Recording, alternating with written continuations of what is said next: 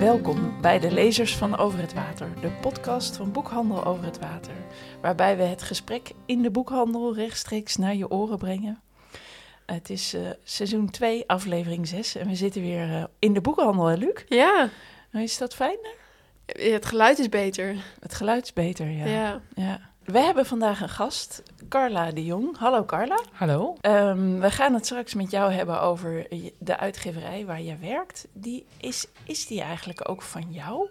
Die is, ja, die is inderdaad van mij. Ja. Van mij en van mijn compagnon Nelleke, Nelleke Geel. Sinds mei 2019, dus een, een jonge uitgeverij. Een jonge uitgeverij, precies. Daar gaan we het straks uitgebreid over hebben. En over het begin van een boekenseizoen. En we, dat zijn... Luc Tepen. En ik, Lot Doeze. Ik ben de eigenaar van Boekhandel Over het Water.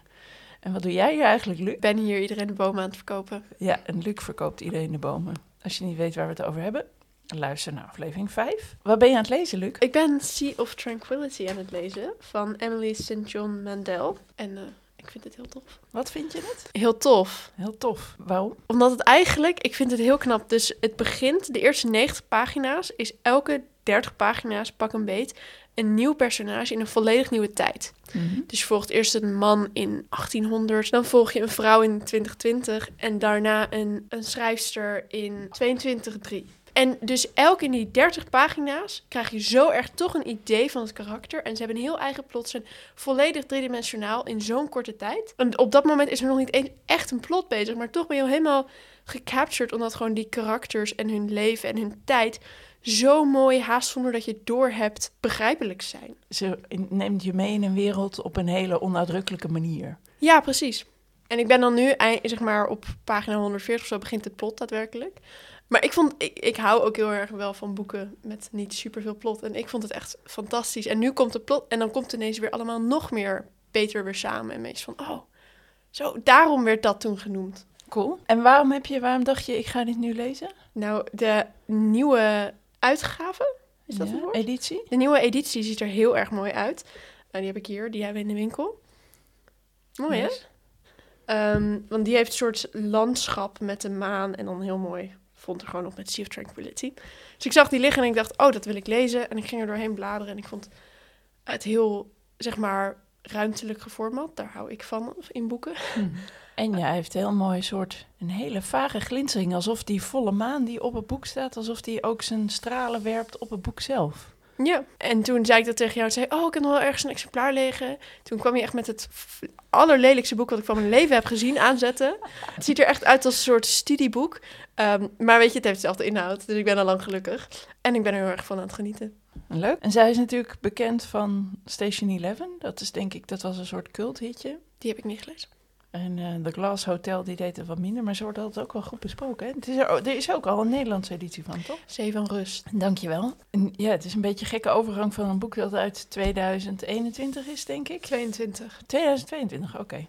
Naar uh, de, de, het, een vooruitblik op het voorjaar van 2023. Want je zou kunnen zeggen dat we beginnen met het nieuwe boekenseizoen.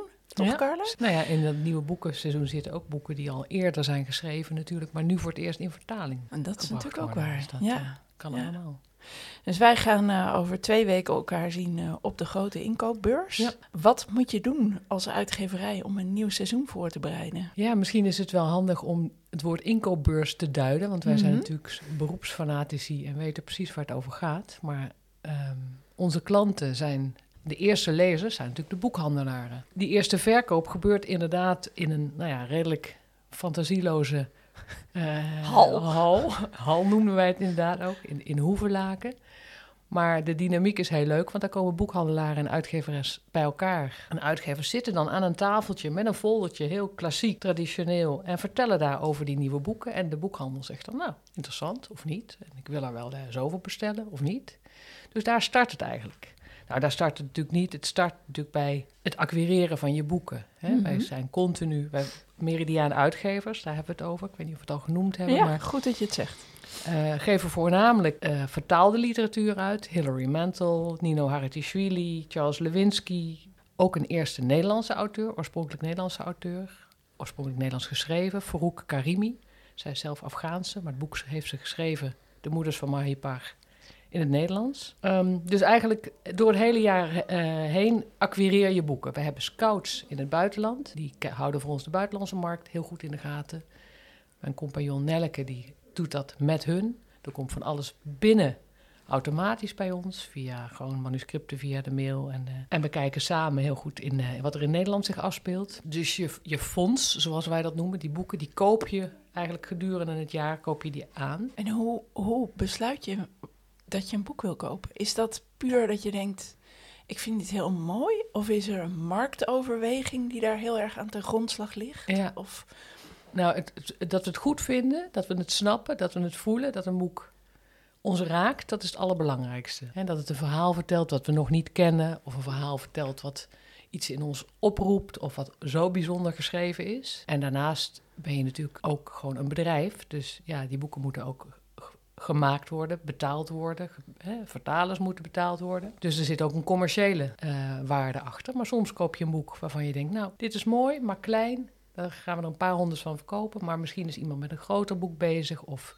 wij willen niet boeken uitgeven, maar echt auteurs. Daar komt misschien wel een groter boek waar we wel ons geld mee gaan verdienen. En in de uitgeverijmarkt is het toch wel een beetje dat je eh 90% van je omzet haal je uit 10% van je boeken om en de nabij. Dus verschillende redenen. Of een enthousiast verhaal van, van, van een vertaler die zegt: Dit is, heb ik gelezen, lees dit alsjeblieft, dit vind ik bijzonder. ja, want dat lijkt me best wel lastig. Want jullie geven natuurlijk auteurs uit, vaak, die bijvoorbeeld in het Russisch schrijven. Ja. Neem ik aan dat jullie dat niet zelf kunnen Nee. lezen. Nee, maar daar hebben we dan wel onze scouts voor die veel eh, kunnen doen. Het Spaans en het Duits, dat, eh, dat lukt nog wel. Niet voor mij, maar wel voor, eh voor Nelleke. Dus ja, en zo sprokkel je dus eigenlijk een soort lijst heb je. En daar heb je contracten, spreek je af. Dus soms, je bent ook...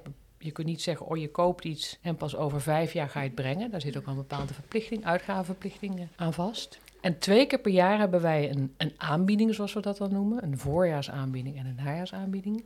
En daarin presenteren we dus de boeken die nou ja, in die periode gaan verschijnen. En daar zijn jullie eigenlijk wel anders in dan andere uitgeverijen. Want veel uitgeverijen hebben drie aanbiedingen. Die hebben ook nog eentje in de zomer. Ja.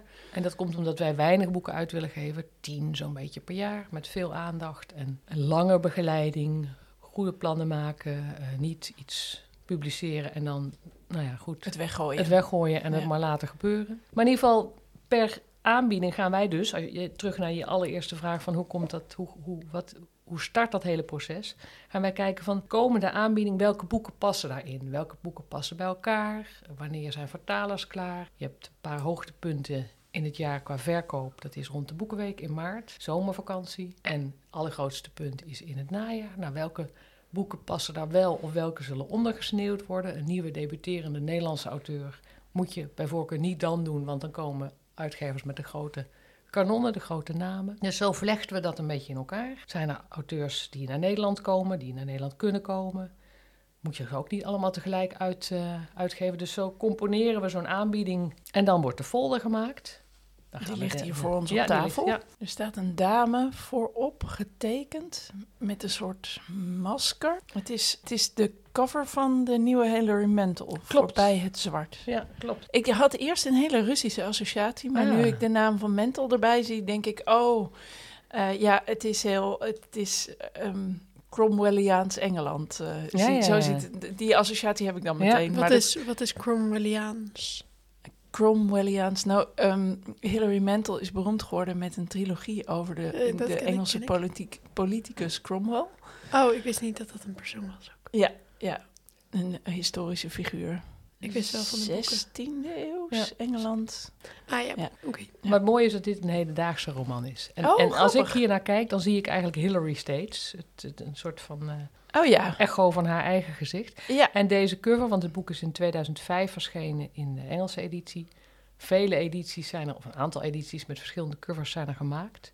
Maar deze troffen we en we hebben nog even wat moeite moeten doen om te achterhalen wie de ontwerpster was. Het was een Scandinavische kunstenares. Toen zijn we tot deze keuze gekomen om dit... eh, En dit is, dus dit is een boek van haar dat uit 2005 Ja, is. ja. En jullie hebben nu... Wat, wat, welke overweging had je om dan te denken... we gaan nu die titel vertalen? Nou, een andere auteur van ons, Charles Lewinsky, wees ons op dit boek. Hij zei van, dit is het beste boek van Hillary. Dit is een briljant Oh boek. ja? Dus Oh, toen hebben we meteen eh, hebben we de, de rechten gekocht, zoals dat gaat. Vertalers, eh Niek en Harm, de vertalers op dit moment van Hilary Mantel eh, gevraagd van... hebben jullie tijd om het te vertalen? Nou, die zijn aan de slag gegaan en we wilden het aanvankelijk in mei van dit jaar doen. Maar vanwege het overlijden van Hillary in september afgelopen jaar hebben we het wat naar voren gehaald. En jullie, want jullie zijn natuurlijk de grote Hilary Mantel uitgever. Dit boek was jullie aan jullie aandacht ontsnapt. Nou, er zijn gewoon nog, ik denk wel ongeveer vijf titels, vijf boeken van haar die nog niet vertaald zijn. Oh ja, Ja, je moet ook een beetje het doseren natuurlijk. Hi. Hè? Dat, eh, kom binnen hoor. Doseren van. in het najaar komen we misschien ook weer met een kleinere roman van haar, wat meer autobiografisch, zoals de geestgever. Dus zo kijk je. Hè, de vertalers zijn voor ons verschrikkelijk belangrijk. Die moeten tijd hebben. Die gaan Ja. we niet opjagen of we gaan ook niet zeggen dan maar iemand anders. Eh, je wilt niet elke aanbieding een roman van haar eh, Nee. aanbieden. We hebben de vertalers, dacht ik, moeten we dan nog eventjes bij hun hele naam Ja. noemen. Harm Ja. Damsma en Nick Miedema. Klopt. Grote vertalers uit Ja. het Engels. Ja. Vertalen veel grote namen. Ja. Dus dat komt er in ieder geval aan de- dit seizoen. Ja, precies. Dus in die aanbieding hebben we in de weg daar naartoe gaan we natuurlijk denken van goh, wat voor een covers passen daarbij? Welk, hè, vaak kijken we aanvankelijk naar het oorspronkelijke cover van is dat iets waar we iets mee kunnen? Kunnen we het overnemen? Redden we het met een andere belettering? Past het wel bij de Nederlandse markt? En tevens gaan we ook kijken van hoe gaan we het positioneren? Hè? Welke doelgroep, voor welke lezer is het? Ja, want om nog even terug te komen op die Mental, die is natuurlijk heel anders dan die edities van die Cromwell-trilogie. Die foto eh, Ja. hadden. Ja.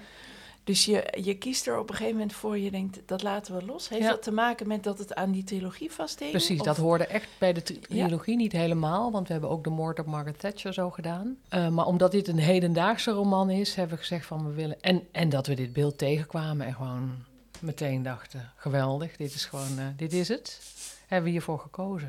Heel mooi, ja. Ja. Wil je, pro- probeer je je fonds ook één beeld mee te geven of maakt dat helemaal niet uit? Wel een beeld in de, de, de, de vormgeving van de boeken in het algemeen. Dus dat Mhm. moet zorgvuldig zijn. Mooi krasvrij matlaminaat. Nou, dat klinkt allemaal heel abstract, maar ga eens over een zwart boek met je nagels. En als er een streep achterblijft, is het geen krasvrij matlaminaat.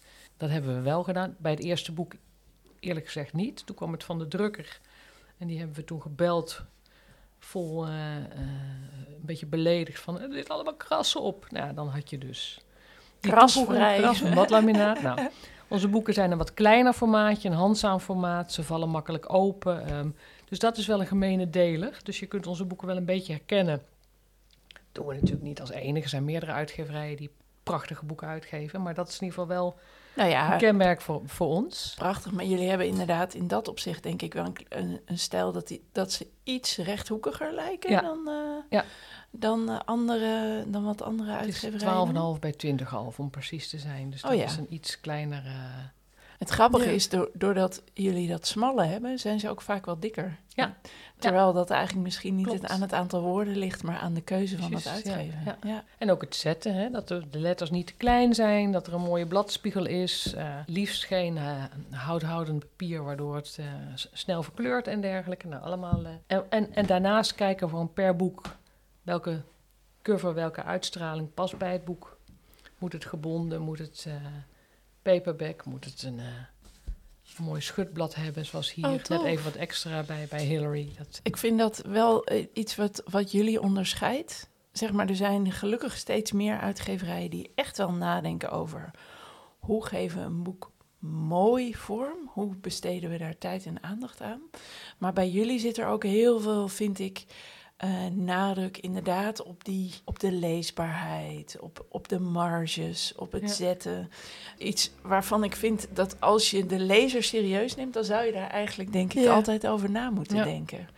Inderdaad, ja, nou, er is, is vaak iets met een schutblad of een, een net even een wat, wat meer verzorgde uitstraling, wat iets heel luxueus geeft Ja. ook. iets extra's Ja, inderdaad. ja. Ja. die nieuwe Hillary Mantel, is dat jullie toptitel uit de aanbieding of werken jullie niet zo? Elke auteur, elke boek heeft zijn eigen behandeling. En, en we willen er ook uithalen, ja, optimaal wat daarin zit en de begeleiding. En, eh, Maar het lijkt me een lastige, want jullie zijn natuurlijk zelfstandig. Je moet je eigen broek ophouden. ja, klopt. Het lijkt me een lastige afweging, want soms kan je Ja, zelf heel ver- veel vertrouwen erin hebben. Maar eh, dat het dan toch een beetje stilvalt of zo. Ja, maar dan ga je weer met, eh, met de voet op tafel, bij wijze van spreken, zitten en kijken van, nou, wat kunnen we nog? En, met wie kunnen we nog samenwerken? En, en wie heeft een vorig boek eventueel gerecenseerd? We zoeken ambassadeurs zoals jullie bijvoorbeeld daarbij. Dus er zijn meer wegen die eh, naar de lezer eh, leiden. En daar blijven we naar zoeken. En dat is ook de lol. Dat is ook juist, dat is waarvoor we ons, waarvoor we een eigen uitgeverij zijn gesta- gestart, om het zo te doen. Het is, nou ja, onze ambitie is natuurlijk om onze boeken bij zoveel mogelijk lezers te brengen.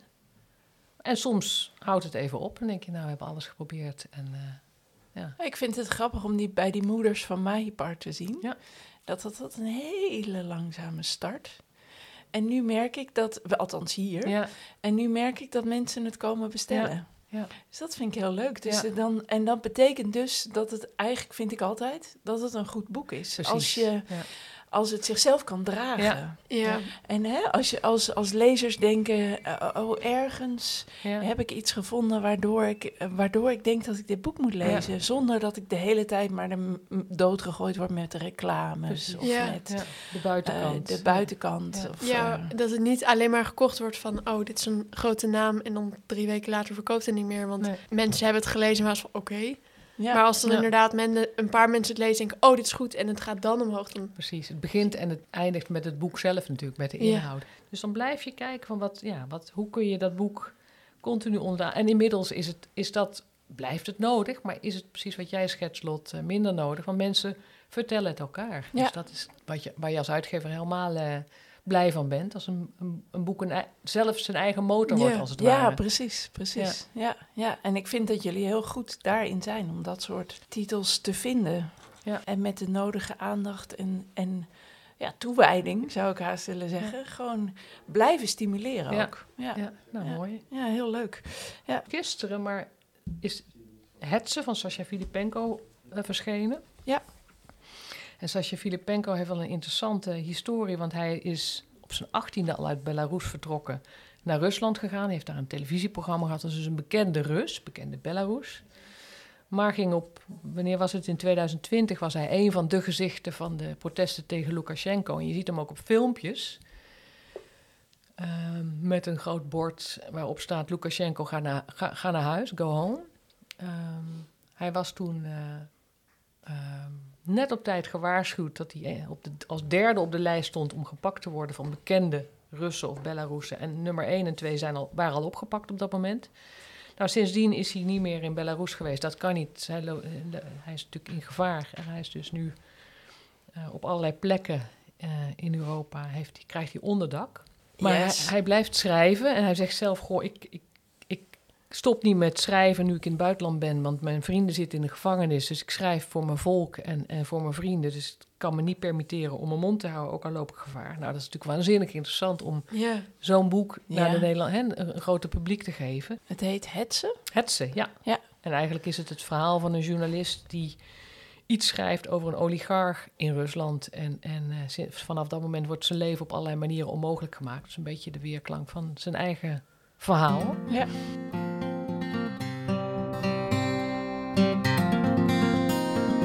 Oma vertelt, toen ik begon in de boekhandel, dat was bij boekhandel Roelands in Nijmegen, Mhm. toen werkte ik daar op zaterdag en op zaterdagochtend kwam er altijd een klant.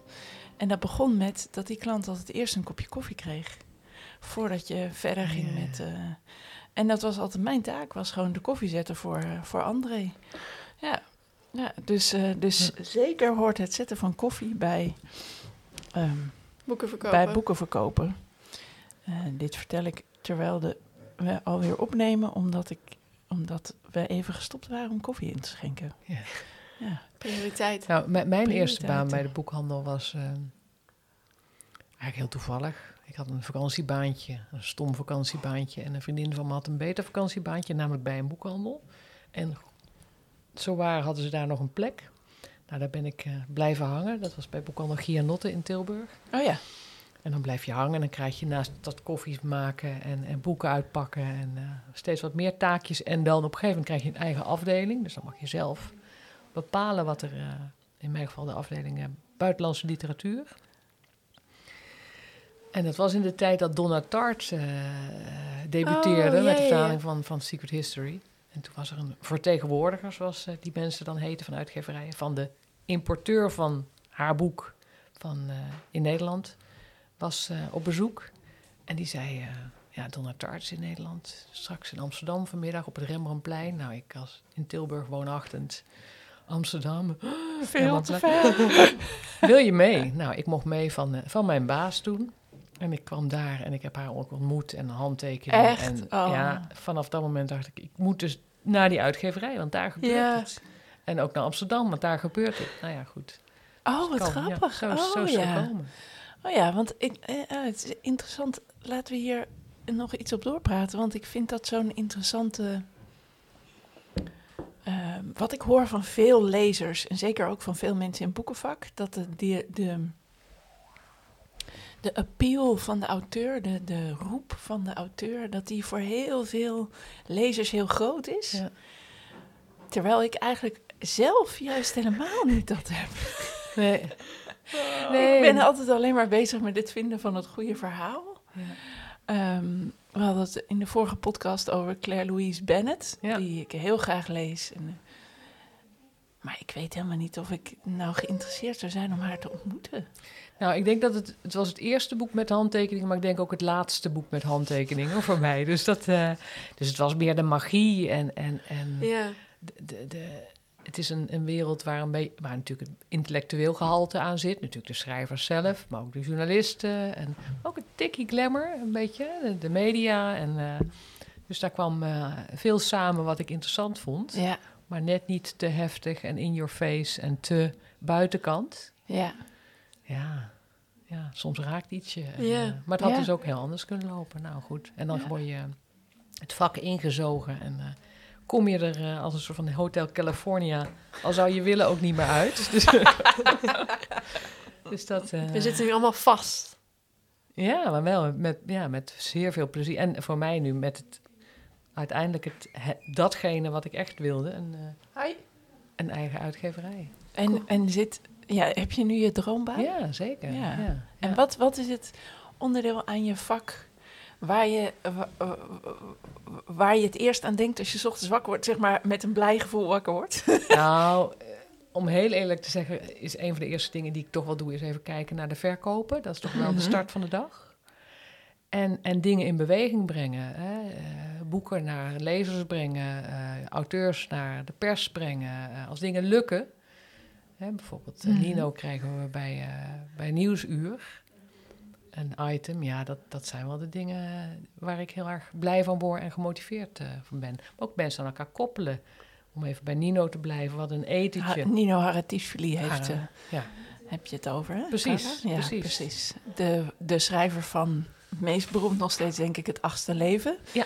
Maar inmiddels in november verschenen. Ja, eind oktober, begin november. Het Schaarse, Het Schaarse licht. Licht. Ja, ja.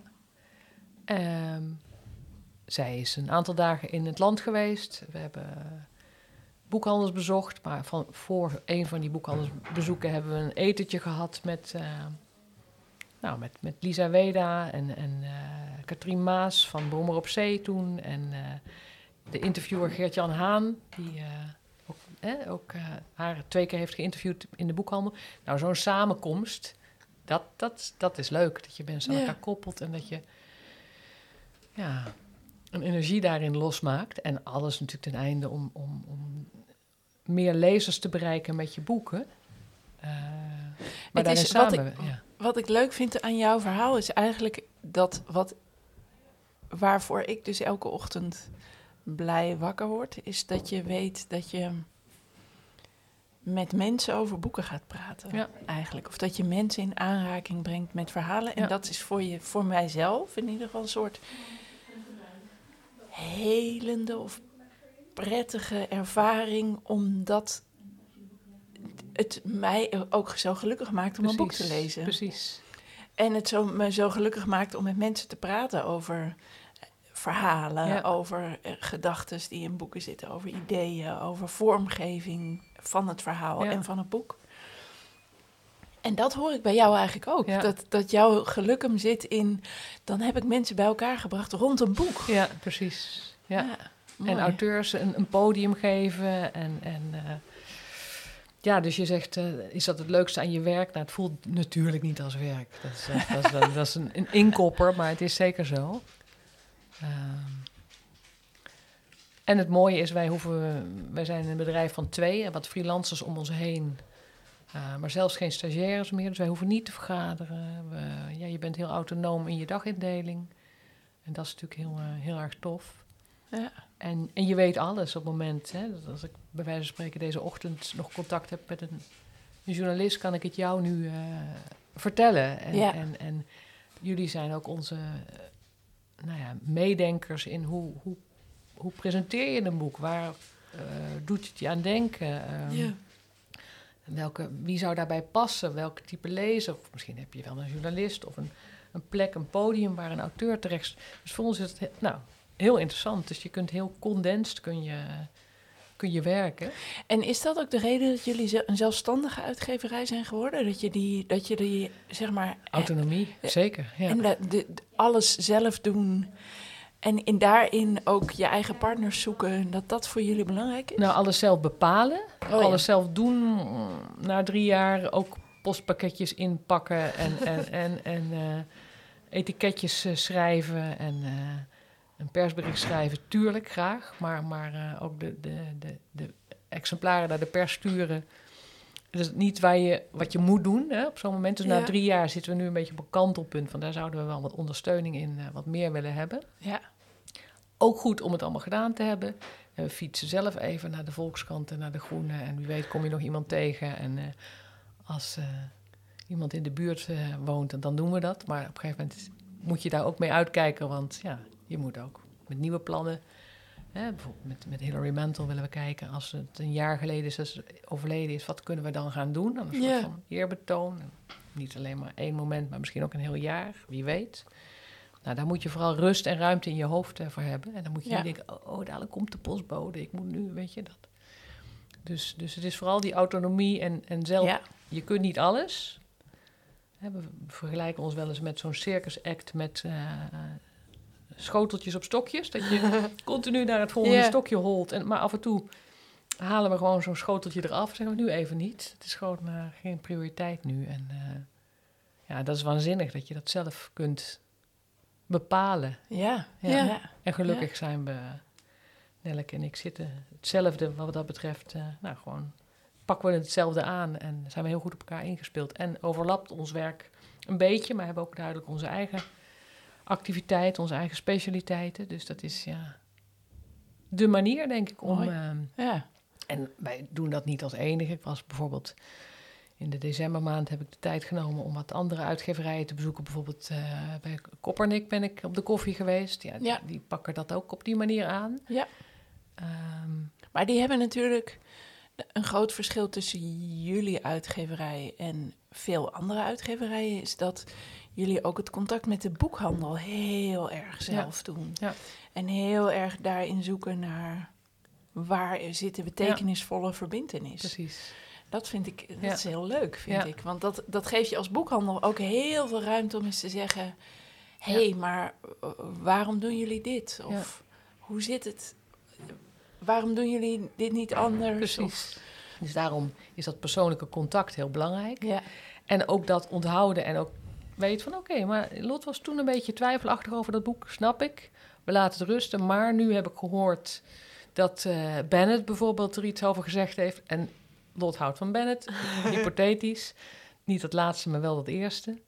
Nou, eventjes laten weten. Dus eh, dat zit ook allemaal in, ons, eh, in, onze, in onze hoofden en, en natuurlijk ook wel in allerlei bestandjes en aantekeningenboekjes. Dus, en zo hou je het vol om weinig boeken uit te blijven geven en al die aandacht te geven. En Ja. niet alleen op het moment. We hebben het vaak bij komen. ehm, ik heb bij uitgeverijen gewerkt waar het prachtige boeken met hele mooie campagnes, maar wel soms meerdere boeken per week. En dan heb je ooit in een verleden een boek geacquireerd en met allerlei plannen daarbij gemaakt. En dan komt het boek en dan ja, verdampt het gewoon. En daarvan hebben we gezegd, dat gaan we niet meer, dat gaat ons niet gebeuren. Ja. Dat, eh, dat is dood en doodzonde. En dan ben je ook verplicht om steeds meer boeken te maken. Want ja, nou goed. Ja, ik, Dus, denk, eh, ik denk dat dat... Ik vind dat een van de lastigste dingen van het vak. Dat je... Dat die industrie van alsmaar meer uitgeven... want je bent eigenlijk al vergeten wat je, wat je drie maanden geleden hebt aangeboden. Ja. Ehm, want, en, en dan dus ook de dag nadat het boek is uitgekomen het vergeten zijn. Want dan moet je naar het volgende, Ja. het volgende boek promoten. Ja. Daar word ik, daar word ik heel erg. Dat, dat, ik, ik vind dat een, een ontwikkeling waar ik heel graag van af zou willen. Nou ja, goed, feitelijk doen- Ja. doen jullie hetzelfde. Jij doet hetzelfde. Je bent ook een selectie. Je koopt een selectie aan. En die selectie die je aankoopt, daar, daar besteed je ook heel veel aandacht. En ook lange aandacht aan. Dus Ja. eigenlijk zijn Ja. we wel een soort van even knieën in, in, Ja. in, eh, wat dat betreft. Ja, en ik zou, ik, en ik hoop altijd dat, dat zeg maar dat die manier van boeken verkopen, dat die nog meer school gaat maken. Ja. er zijn natuurlijk best wel boeken, meer boekhandels die dat doen. Eh, en ook, heb, mijns inziens, zijn er boekhandels die het goed doen. Namelijk boeken, boekhandels die, eh, ja, die, die inderdaad die aandacht en dat die ruimte van hoe vind ik de lezers voor dit boek of hoe vind ik voor deze lezers een boek. Dat is natuurlijk Ja. eigenlijk meer de, de taak nog van de boekhandel. Van ik heb hier een lezer, welk boek past Ja. daarbij? Eh, om, om, dat, om die, eh, die, die inzet te vergroten. Of, eh, Ja. ja. ja, Hey, en nog even, ehm, eh, nou, nou he- he- heeft het NRC natuurlijk een soort eh, vraag opgeworpen of, of het, eh, het aantal vertalingen dat in ver- verkocht wordt, of dat niet enorm daalt. Eh, jullie zijn een uitgeverij die vooral vertalingen uitgeeft. Ehm, merk je dat, de, dat er een verandering zit in, in hoe vertalingen benaderd worden of verkocht worden? Of... Nou, als je naar de top 60, hè, de bestsellerlijst die wekelijks wordt gepubliceerd, en ook de top 100 kijkt, dan zijn, is, überhaupt is literatuur ver te zoeken. En, en, en zeker vertaalde literatuur. Ehm, wat wij doen is veel vertalen vanuit het Spaans, vanuit het Duits, vanuit het Russisch. Dus niet Engels. Natuurlijk hebben we wel een paar boeken, Hilary Mantel. hè. En dat doen we bewust omdat daar de concurrentieslag groot is. Heel veel uitgeverijen richten zich op die markt. Dat betekent dat je hogere voorschotten moet betalen, dat soort dingen. Maar vooral omdat de lezer steeds meer zelf oorspronkelijk eh, Engels leest. Dus dat is, ja, ik kan me wel voorstellen dat daar een, een, een overschot komt aan vertalingen vanuit het Engels.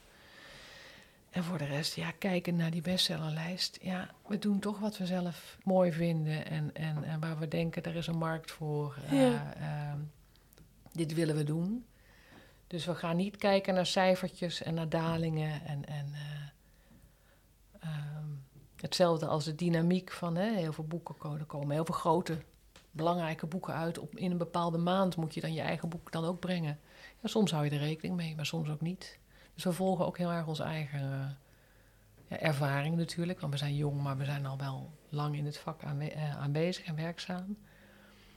En het vertrouwen in een boek. En, dus ja, ik, ik denk dat ze gelijk hebben, maar ja, het, het geldt niet voor ons, laat ik het zo zeggen. Precies, Ja, we precies. doen het, ja. Mooi. Ja. Ja. Wat ik het leuk vind, nou ja, dat komt eigenlijk uit je hele verhaal steeds naar voren, dat het zo om die autonomie gaat en om die zelfstandigheid en om Ja. het maken van je eigen keuzes. Ik vind dat heel inspirerend. Ja. Fijn ook dat dat, dat, nou ja, jullie eigenlijk laten zien dat dat in deze tijd nog steeds kan. Ja, juist denk ik, hè, in deze Ja. En eh, heb je nog één titel waarvan je zegt, Lot, dit, moeten we, dit moet je in je winkel neerzetten in het komende voorjaar? Ik vind dit doodshoofd intrigerend. Ja. Ja, maar dat is heel lastig, want dat kan niemand zien. Dat kan niemand zien. Sorry. Nou ja, Luc, daar kop ik hem toch even in. Want Luc wijst nu naar de cover van eh, de nieuwe roman van Pilar Quintana. Een Colombiaanse schrijfster. eh, die met de afgronden, want dat is de vertaling, eh, de titel van het boek waar we het nu over hebben, de Premio Alfaguara ge- gehad, eh, ontvangen heeft. En dat is eigenlijk een beetje wat de Booker Prize is voor het Engelstalig, is dat voor het Spaanstalig. En dat is een hele spannende roman. Ehm, die, ehm, nou ja, het, timbre en, en, en de power heeft van de, ja, toch wel de, Zuid-Amerikaanse literatuur. Maar wel in een, beetje stedelijke omgeving zich afspeelt. Dus wat een beetje de brug slaat naar, eh, naar, naar ons, denk ik, als lezer. En het verhaal van een meisje wat meemaakt in haar, het kleine gezin waarin ze woont. Haar ouders, die groeien uit elkaar, die maken veel ruzie. Eh, er komt een echtscheiding uiteindelijk uit. Ze proberen nog een soort verzoeningstocht de bergen in eh, eh, te trekken. Nou, dat zie je ook Je ziet een, een berg op de cover getekend en daar een autootje op. En het is ook nog een boek wat zich heel erg in, in het groen afspeelt. Want zelfs dat appartement in, in het, waar ze wonen is helemaal vergeven van kamerplanten. Spannend boek. Een, boek wat je niet aan iedereen kunt verkopen, maar wel... eh, ehm, nou ja, als je het verkoopt aan mensen, de juiste mensen, dan eh, komen ze ervoor terug, denk ik, Lot. Dus dat, eh, Leuk. Ik, eh, ik vind het er intrigerend uitzien. Ik vind ook de eerste zin van het introductieverhaaltje interessant. Claudia woont met haar ouders in een flat die bijna dichtgroeit van de vele planten.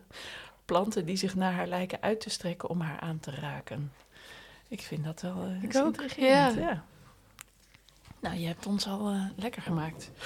Ehm, eh, over lekker, gemaakt, eh, lekker maken gesproken, we gaan natuurlijk iets proeven. Ik heb iets heel onhandigs gedaan. Ik heb namelijk iets gemaakt dat heel lastig is om te eten.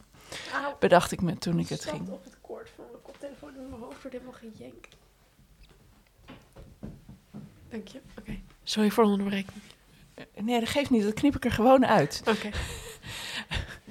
Ehm, ik heb dus iets gemaakt dat ontzettend onhandig is om te eten, bedacht ik me toen ik het ging klaarzetten.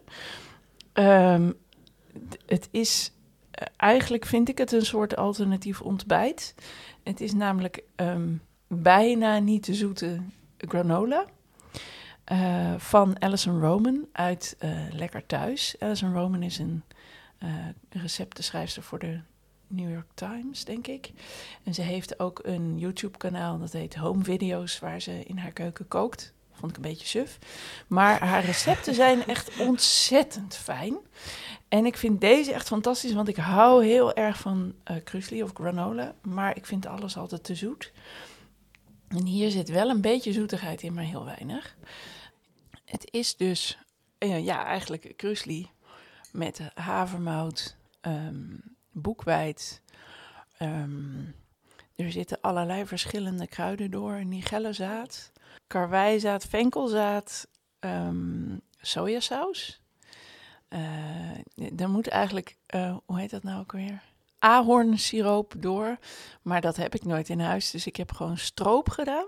En ik vind het dus zelf heel lekker. Ik heb het nu opgediend met een beetje eh, Griekse yoghurt en komkommer. En volgens mij is dit een perfect alternatief voor ontbijten met yoghurt en fruit. Lekker thuis is al een tijdje uit, maar in april komt haar nieuwe bakboek van Alison Roman. En daar ben ik ook heel benieuwd naar, omdat ze van die leuke, simpele, maar effectieve recepten maakt. Denk ik dat dat bakboek ook echt een succes gaat worden. Dus in het kader van het vooruitkijken naar, de, naar het voorjaar, dacht ik, maak ik iets uit een wat ouder kookboek. Het stond al even voor onze neus en ik dacht ik ruik meloen. En ik dacht Ja. meloen te zien, maar dat is waarschijnlijk de combinatie van de, het zoete van wat je bij de granola hebt gedaan en de komkommer. Ja, dat denk ik ook. En komt het recept in de show notes, Lot? Of, Nee, eh, het recept komt niet in de Hmm. show notes. Ehm, ik kan het je wel geven. Koop heb je boek. helemaal gelijk in. Dat zeg ik tegen, tegen alle klanten, maar ja, eh, jou wil ik het recept wel geven. Wat ik er echt heel prettig aan vind, is dat het dus net... De, eigenlijk is zelf granola maken heel simpel. En vooral ook als je haar methode gebruikt, want zij zet de oven heel laag en doet hem dan vrij lang erin. Het enige jammere is de suiker in de zoetstof zorgt voor de klonten. Want door dat karamelliseren Ja, plakt het aan moet. elkaar. En zij lost dat een beetje op door er eiwit door te doen. Maar je moet hem dus een paar keer door scheppen. En dan krijg je eigenlijk alle grote klonten eruit. Dus dat is een beetje jammer, vind ik daaraan. Ehm, wat ik zelf wel echt een, een zeer leuke uitvinding vind... zijn die boekwijdkorrels. Die geven een soort heel leuk lichtig knappertje in je mond. Ja, klopt. Dus eh, ja, nou, Heerlijk. dat is dus eh, mooi. Mooi. Ehm dankjewel, Carla, voor je verhaal over Meridiaan Uitgevers. Ja, de uitgever die je hebt samen met Nelleke Geel. Ja, het was leuk om eh, met elkaar te praten over het voorjaar. En wij zullen in de volgende podcast zullen we onze eigen eh, eh, toppers voor het voorjaar eh, even bespreken. Dat vertel je me niet voor het eerst, maar ik vind het helemaal top. Ja, want dan zijn we naar de beurs geweest, dus dan weten Ja. we allebei wat er gaat uitkomen. En dan zullen we eens even kijken wat, eh, waar we blij van worden. Leuk. Klinkt goed. Ja, Ik ga Mooi. luisteren. Ben Nice. leuk. Ehm, review ons, geef ons sterren, abonneer je in alle eh, gangbare podcast-apps. Alle gangbare. Ja, ook ongangbare. Ehm, en ehm, we spreken jullie over twee weken weer, of eerder, in Boekhandel over het Water